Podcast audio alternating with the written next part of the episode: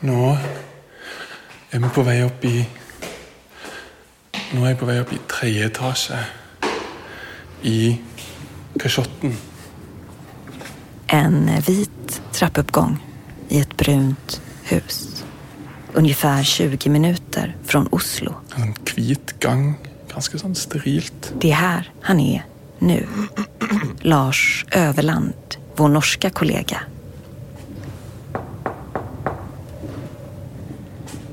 Förr i tiden, på 1800-talet, så var det här huset ett kvinnofängelse. Och därav namnet Kashotten, norska för fängelse. Och sen, sen så blev det ett eh, äldreboende för kvinnor som led av psykiska sjukdomar. Och nu så är det ett lägenhetshotell. Och de flesta som bor här gör det på korttidskontrakt. Jeg prata med noen utenfor som fortalte at på rom 1301 så var det en ambulanse som kom og henta noen for en tid tilbake, og at det var en del politi. Så jeg antar at dette er hennes leilighet. För ett tag sedan var ambulans och polis här. De hämtade henne, kvinnan med den tunga kofferten. Vi ser om det er noen som bor her nå. Hon hade legat eh, död i två veckor då. Innan en lokalvårdare kände lukten. Ingen som åpner opp. Dödsorsaken var Se på nabodøra, da. organsvikt till följd av bröstcancer Hei! som spritt sig. Unnskyld, kan spørre dere On English? Have you seen this woman? Hon hade levt här på lägenhetshotellet i ett halvår då. Okay. Have you been living here for a long time? No. Det är längre än de flesta andra här i huset. Three, four days. Three, four days only. Okay. Thank you. Ja. Hei, unnskyld. Kan spørre dere, har dere sett henne? Lars går runt med en bild på kvinnan med den tunga kofferten. Försöker hitta en granne eller någon bara som kan berätta mer om hennes sista tid i livet. Hun er en, en av Skandinavias største svindlere.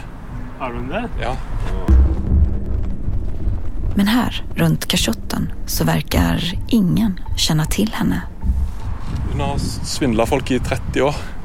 Mener du det? Ja, jag har haj en alle. Ik merk divan. Jo förresten, en familj. En pappa med två döttrar. De nickar igenkännande när de ser bilden som Lars visar. Mhm, henne kom. Har- Prater du med henne? Eh, ikke så mye. Hun ba dem å ikke hoppe på sofaen og sånt. Nej, vi har inte pratat så mycket med henne. Liksom Hon de- hotade att ringa polisen när mina döttrar lekte, hoppade i soffan och sånt. Ikke sant? Det er veldig morsomt. Ja, veldig det nå. Men mer än så var det inte. Tusen takk. Vær så god. Eh, unnskyld?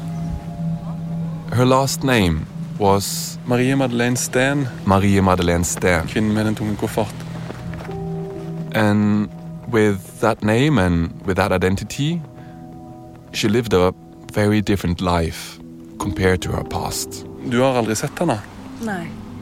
Hon har ett eget hem She's not on the run. och hyran kommer in i tid. There's no problems. Hon betalar för sig. I haven't found anyone that she fooled from this period. Och hennes tunga resväska. Empty. Parked in a corner of her apartment. But the biggest change in all of this is that during the last months of her life, she started paying people back. The people she swindled from, the people she fooled. She pays them back.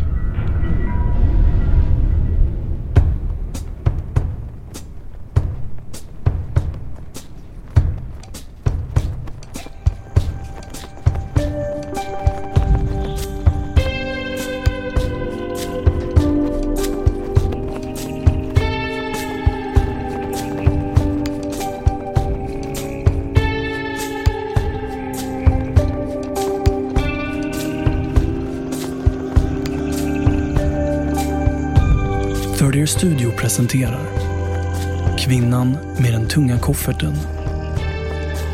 En serie i åtta delar baserad på en originalidé av Christer Moltsen. Programmet är gjort av Sara Lundin och David Mer. Sista delen. Copycat.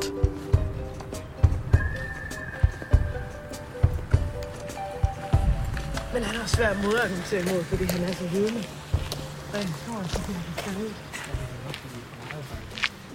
You know, I studied this woman for eight years or something like that. I studied her uh, cons. I studied how she worked, how she fooled people, why she was so good at it, how she did it. And I thought I knew who I was dealing with. I had I, I didn't have the whole mystery of her solved, but at least I knew that she was a con woman. And she was gonna be a con woman for the rest of her life. That I was completely sure about that. At least I knew that. And then she totally pulled the rug out under me. Everything everything changed.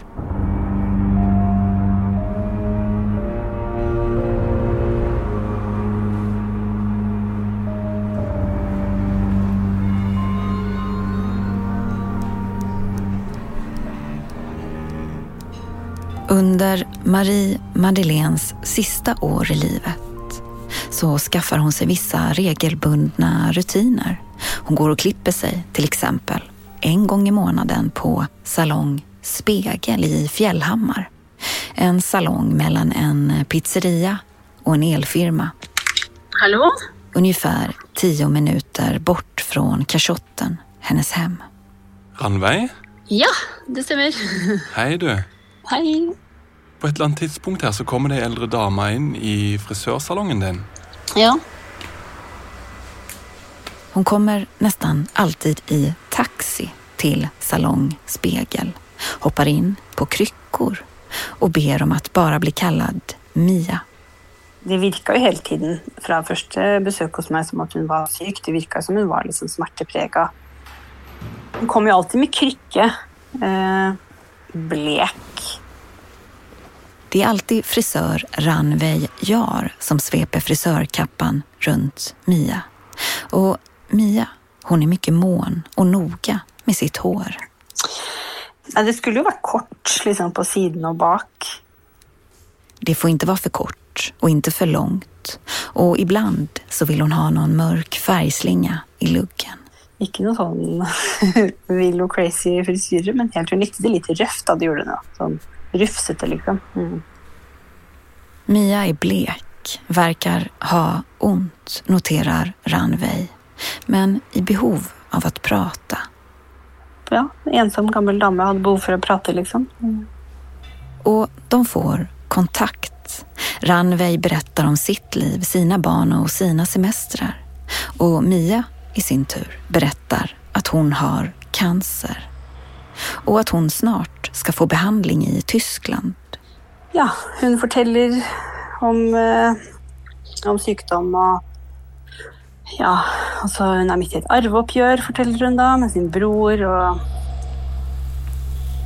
Och som om det inte vore nog, säger Mia, så är hon också mitt uppe i en arvstvist med sin bror. Det er liksom virker liksom det er så veldig bra familierelasjon der, da. Hennes far har dött, säger hon, och lämnat efter sig ett stort arv. Det var liksom snakk om millioner, fordi faren hennes var jo sparsommelig fyr, liksom. Og Det är pengar som hennes far har fått efter att ha sålt sitt företag. hun var aldri liksom noe sånt snakk om å komme tilbake og betale senere, eller liksom hun gjorde alltid opp for seg der og da. Så Mia betalar alltid för sig, betalar alltid cash. Och ibland så dricksar hon Ranveig rikligt, flera hundra. Säger, köp något fint åt barnen.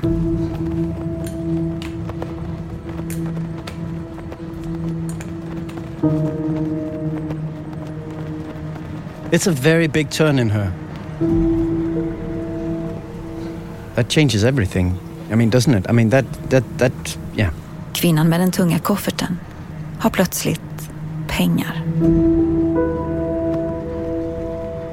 She, she doesn't have to fool anyone to get money.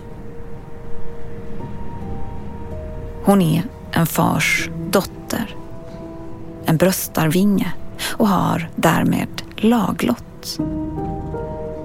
Hon kan inte nekas en del av arvet. Hundreds of thousands, I would guess. Uh, not pocket change, you know. Så för första gången på fyra decennier behöver hon inte släpa och dra runt på sin stora, tunga, svarta resväska. This is the first time that I've heard of an apartment in her life. Och om hon vill åka någonstans så behöver hon inte planka längre. Hon kan ta en taxi dit hon vill. She loved going to the hairdresser, I know that. And she could have a relationship to this hairdresser, right? You know, they, they could talk like they were almost friends. Jeg ser nå på meldingsloggen at 15. mars var siste gangen som vi prata sammen, tror jeg. Ja. Sista gången som Mia slår sig ner i frisörstolen hos Ranveig är i mitten av mars. Det är någon plusgrad ute, hårt ljus och en liten reklamskylt slår i vinden. Pizza och Pepsi 109 kronor fram och tillbaka. Och Mia berättar att det inte kommer att bli någon cancerbehandling i Tyskland. Då sa han väl liksom att nej, skulle inte till Tyskland då, för de heller mente att det kommer att gå.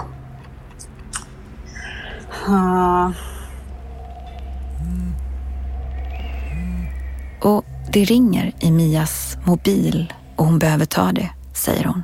Och små hårtussar glider ner från frisörkappan och ner på golvet. Det är hennes advokat, förklarar hon för Ranveig. Och den här advokaten, han, han kommer även att kontakta Ranveig senare och be henne att gå med en kasse mat till kashotten, till kvinnan med den tunga kofferten. Men då, då kommer hon inte släppa in Ranveig i lägenheten utan ber henne bara lämna kassen utanför dörren.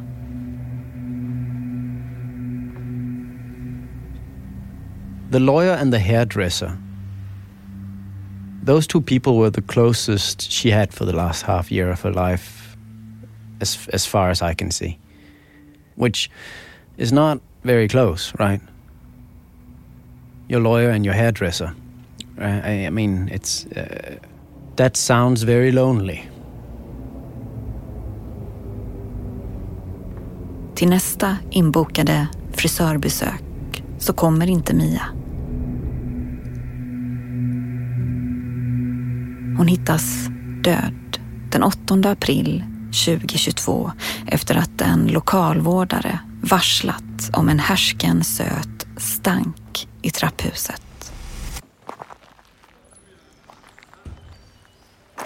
Janne, you, you remember Janne from Oslo Kloster? Yeah, the woman from the monastery. Yes.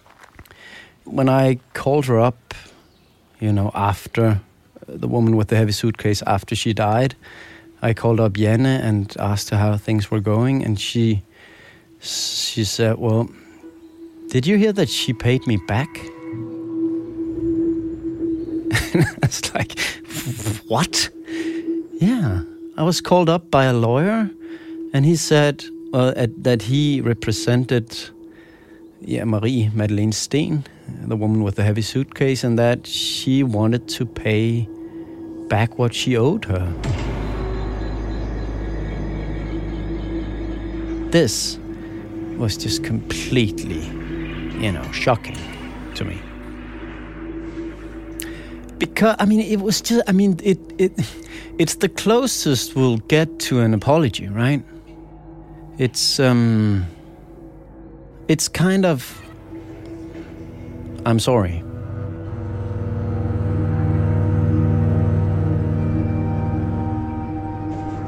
And there's a list. I have it here actually. Men det är inte bara Janne på klostret som kvinnan med den tunga kofferten vill betala tillbaka pengar till. There's 24 people on this list. Det är 24 andra människor också, som alla blivit blåsta och bedragna av henne. 24 människor vars namn fanns lättillgängligt i danska rättshandlingar och som vi vet att advokaten kontaktar. I, I can say that for sure. Och Marie Madeleine, hon lämnar ingen förklaring till någon. Hon ber inte om förståelse eller förlåtelse. Hon bara betalar sin advokat att sköta jobbet, telefonsamtal och transaktioner. And and I know I know that a couple of the people that this lawyer I talked to the lawyer as well, and I know a couple of the people he called up. They just said this is a scam. Uh, you know, I'm gonna hang up, and then they just hang up, right? And and he they never got their money because they could not believe that this was real. And I, I totally get that. I mean, I didn't. I had to spend days on this before I was, you know, ready to accept that this was real. Och inte bara det. Det är på hennes eget initiativ det här. Det finns inga rättsliga förpliktelser, ingen dom, ingen lag som kräver att hon ska göra det här, betala tillbaka. Nej, faktum är att hon vill göra det. And that, I, I cannot explain that in other terms that than than moral, right? That had to be a moral decision. That had to be an ethic decision in her, right?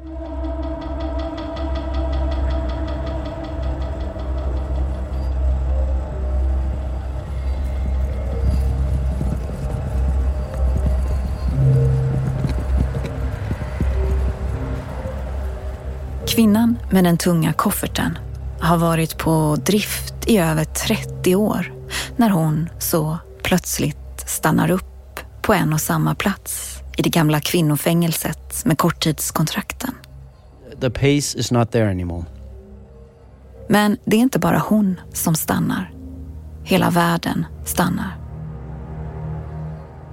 Inuti så sprider sig hennes dödliga cancer och utanför en hel pandemi. She's been running from herself her whole life, right?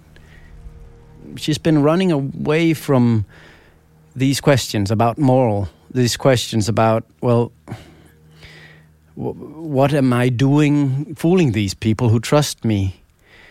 And all of a sudden, she's in the same place for a year, and, and maybe she catches up with herself. You know what I mean? She doesn't have to, to think about the, her next move all the time. She doesn't have to think about how to get out of situations. She doesn't have to think about when to run anymore. So that leaves room for other thoughts, I would guess. What have I been doing with my life, which is ending?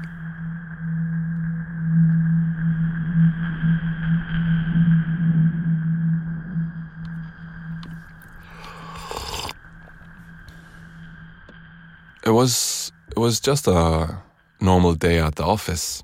I was sitting at my computer and you know when you're googling and suddenly you are you're googling something and you're on page 3 on Google and there it suddenly popped up. En dödsannons med en duva med en kvist, vit och svart. And it said Vår käraste Marie Madeleine Sten Marie Madeleine born Sten 27th of October 1957 died from us. And then it said on behalf of Venner. And in Norway, friends is code word for no one.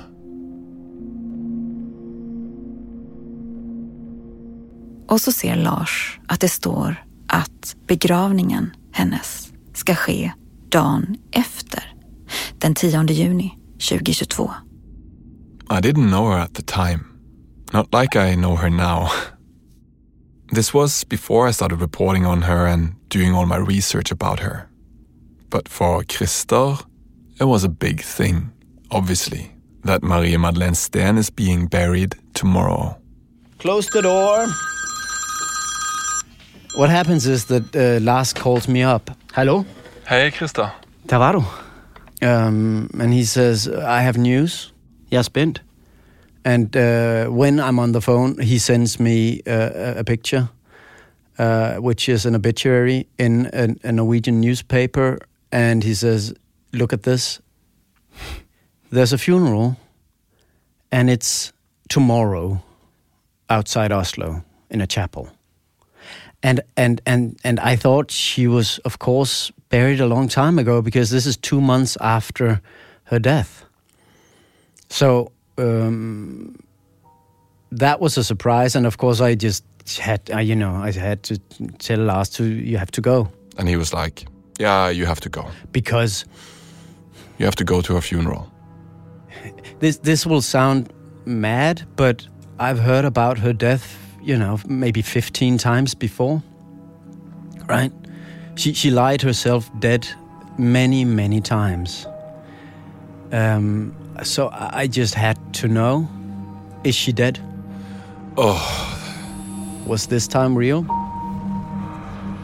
Okej.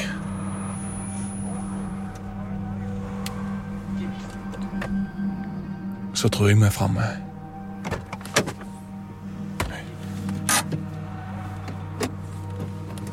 So I went to her funeral. Um, I had my hair cut and I shined my shoes. um, and I brought the recorder just like Krista told me to. Tomme stoler til venstre, tomme stoler til høyre. Og så den der jævla nakne kistan uten hilsninger på. That's the saddest goodbye I've ever heard. No, it is. It's just completely empty.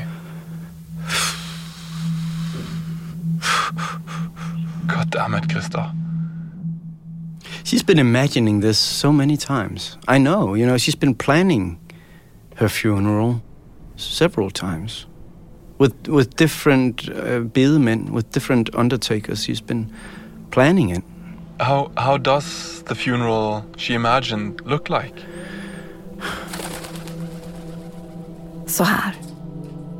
En röd, dyr, blank mahognykista dränkt i blommor, i tårar. Många sörjande människor, vackra tal. Det var det hon ville ha. Och det här, det var inte bara en mörk dagdröm. En sån som vi alla har haft, eller hur? Nej, det här var mer hardcore än så. She did have this obsession with death. Hon planerade i detalj sin begravning med flera olika byråer, präster och florister. Hon lät dem arrangera hennes dödsdrömmar för att sen inte dö, utan dra.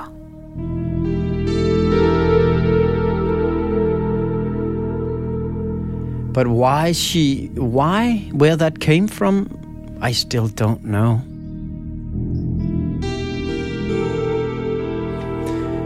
What was that about? Of course, when you're dying, uh, people are gonna feel sorry for you. Och om man dör så blir man sedd och saknad. She knew how she wanted it to, to be, but she didn't get it. There was one red rose.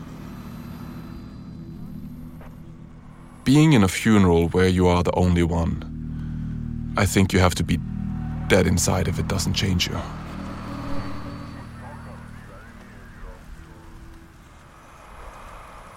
I remember asking Lars when, when he was there, um, uh, right after the funeral, he, he called me, of course, and, and I asked him, "Did you see her?" Are you sure that she's dead? That was uh, that was her. In the, I mean, she was in that coffin, right? She is a professional con woman, you know? Yeah. Did you actually see her lying there?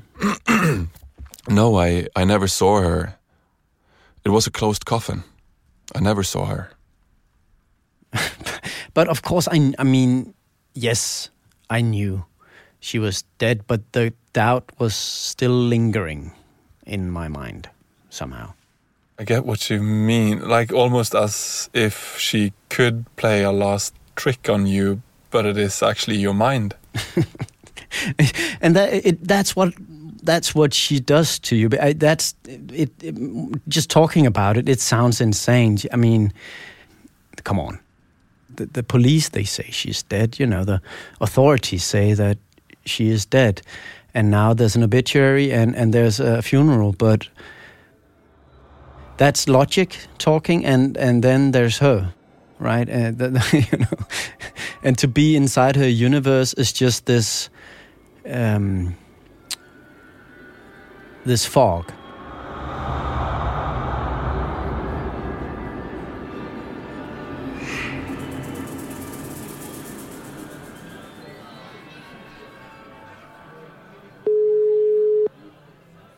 Det är Lasse. Hej Lasse, det är Christer. Hej. Hej.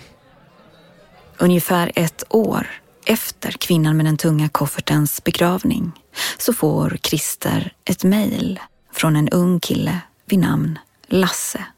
Har fået en e-mail fra dig lidt siden. som, altså, øh, som er chokerende jo. Så underligt, det der skete.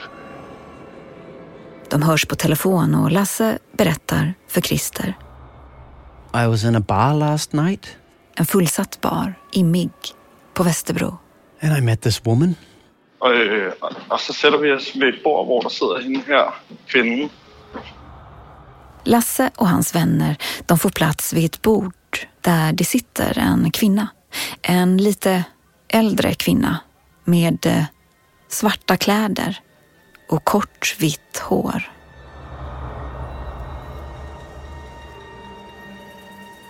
She was uh, acting like a local, um, but no one knew her. Kvinnan intill, Lasse, säger att hon vill fira en grej och att de borde skåla. Så okej, okay. Lasse beställer in öl och hon säger att hon känner sig så fri. Så skåler vi, och så börjar hon att berätta om något annat, om att hon äntligen är fri. Hon har äntligen dratt från sin man. Ja, simpelthen er gået fra sin mand, som har været voldelig. En man som misshandlade henne. Och Burning her with cigarettes. Øh, og så fortæller hun mig så, øh, at hun hedder och så säger hon att hon heter Maria Magdalena. Maria Magdalena. Which is very close to Marie Madeleine, right? Maria Magdalena. She she talked about, you know, how she got her name from the Bible. Hvad fanden sker der? Altså, er det her... Er, er hun ikke død?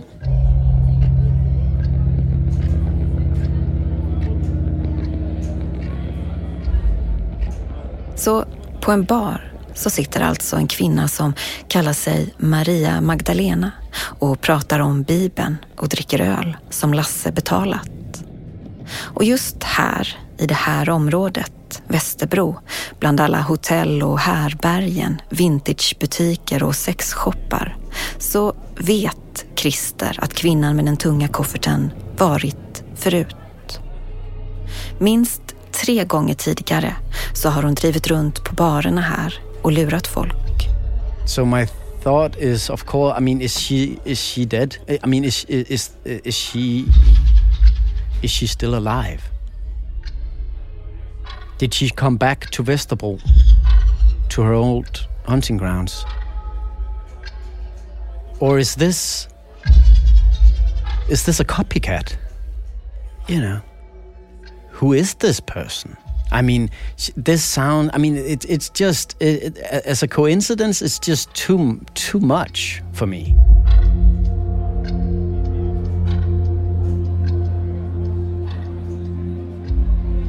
Efter en stund så dyker en kompis till Lasse upp på den här baren och han tränger sig ner vid bordet där Lasse och Maria Magdalena sitter. Och när han blir presenterad för henne så griper han tag i Lasses arm och viskar. Jag tror jag vet vem det där är. And then he tells me something else. Jeg har et billede af hende og mig. Øh, He tells me that he has a picture of her, the woman he met in the bar. They took a selfie. Lasses kompis tycker att kvinnans namn och beteende påminner om en bedragare i en podcast han hört. Christers podcast. Det, det må jeg simpelthen se, det billede. ja, men jeg kan godt sende det. Må jeg ikke komme ud og se det? Jo. Er du i København? Ja, jeg, jeg, ja for jeg vil egentlig gerne øh, optage Ja. det, øh, at du viser mig det. Bare det. Ja. So I jump on my bike, of course, and I rush to this guy, Lasse. Hej Lasse. Christian. Ja, Lasse. Godt møde. Ja, lige måde. Okay, Tusind tak, fordi du skrev. Ja, det var så let. Jeg Wow. synes bare, det var for interessant sammentræf det hele. Okay, du, du bliver nødt til at vise mig det billede nu. Ja. Det bliver... Har du det der? Ja, ja. ja. Lasse klickar fram kvinnan, Det er visar. hende her. Kvinnan på bilden är kanske 50-60 år, har mycket smink och så ser det ut som om hon har en peruk. En kort vit peruk. Øhm, det er så der, hvor hun vender. Kysser dig, ja. She is, um, she's, she's making a, a kissing mouth towards uh, Lasse. and she's, uh, she's about to kiss him on the cheek.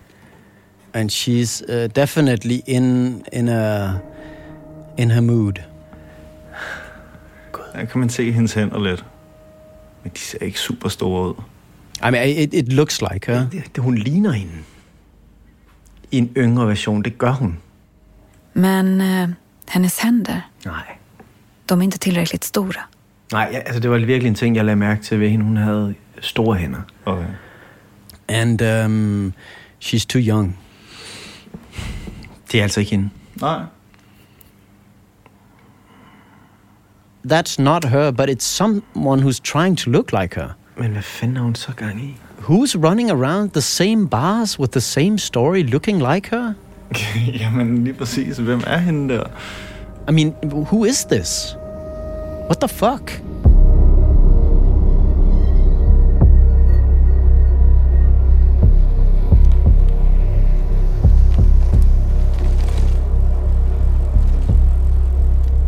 I knew that, you know,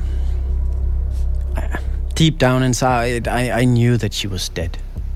Right? I mean, I, it, I knew it wasn't going to be her in that picture. But somehow I, I, I, I wanted it to be. She, from you know, you have to know that you have to understand that she- for me, she's a character larger than life. That means you don't die.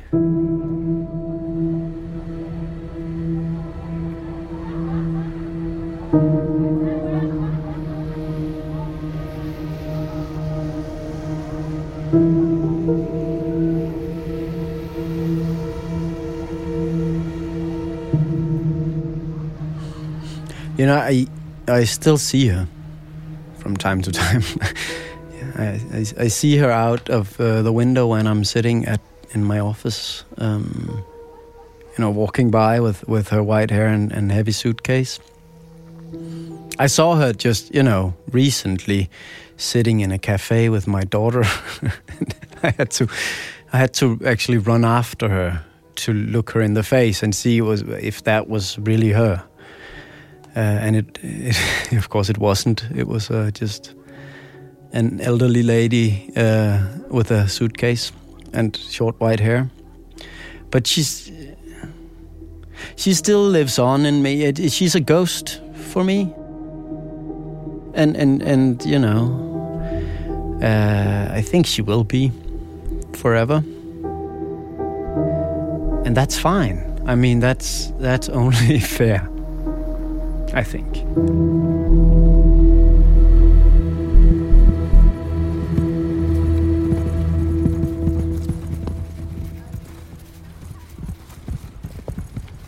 Du har hört den sista delen av Kvinnan med den tunga kofferten av Sara Lundin. Producerat av David Mer. Den här serien är baserad på det danska originalet Kvinnan med den tunga koffert och är ett samarbete mellan oss på Third Year Studio i Sverige och våra kollegor Christer Moltsen i Danmark och Lars Christian Överland i Norge. Ljudmix av Gustav Sondén och Elin Rosenberg. Originalintervjuerna på danska är gjorda av Christer Moltsen. Lars Christian Överland och Peter Dattland har gjort de norska intervjuerna. Sara Lundin de svenska. Seriens originalmusik är komponerad av Tim Hinman. Det förekommer också musik skriven av Joel Lysarides och Jukka Rintamäki. Vignettmusiken är skapad av Jonathan Johansson och David Lindvall. Serien är producerad av Third Year Studio. Ansvarig utgivare är Martin Jonsson. Tack för att du lyssnar.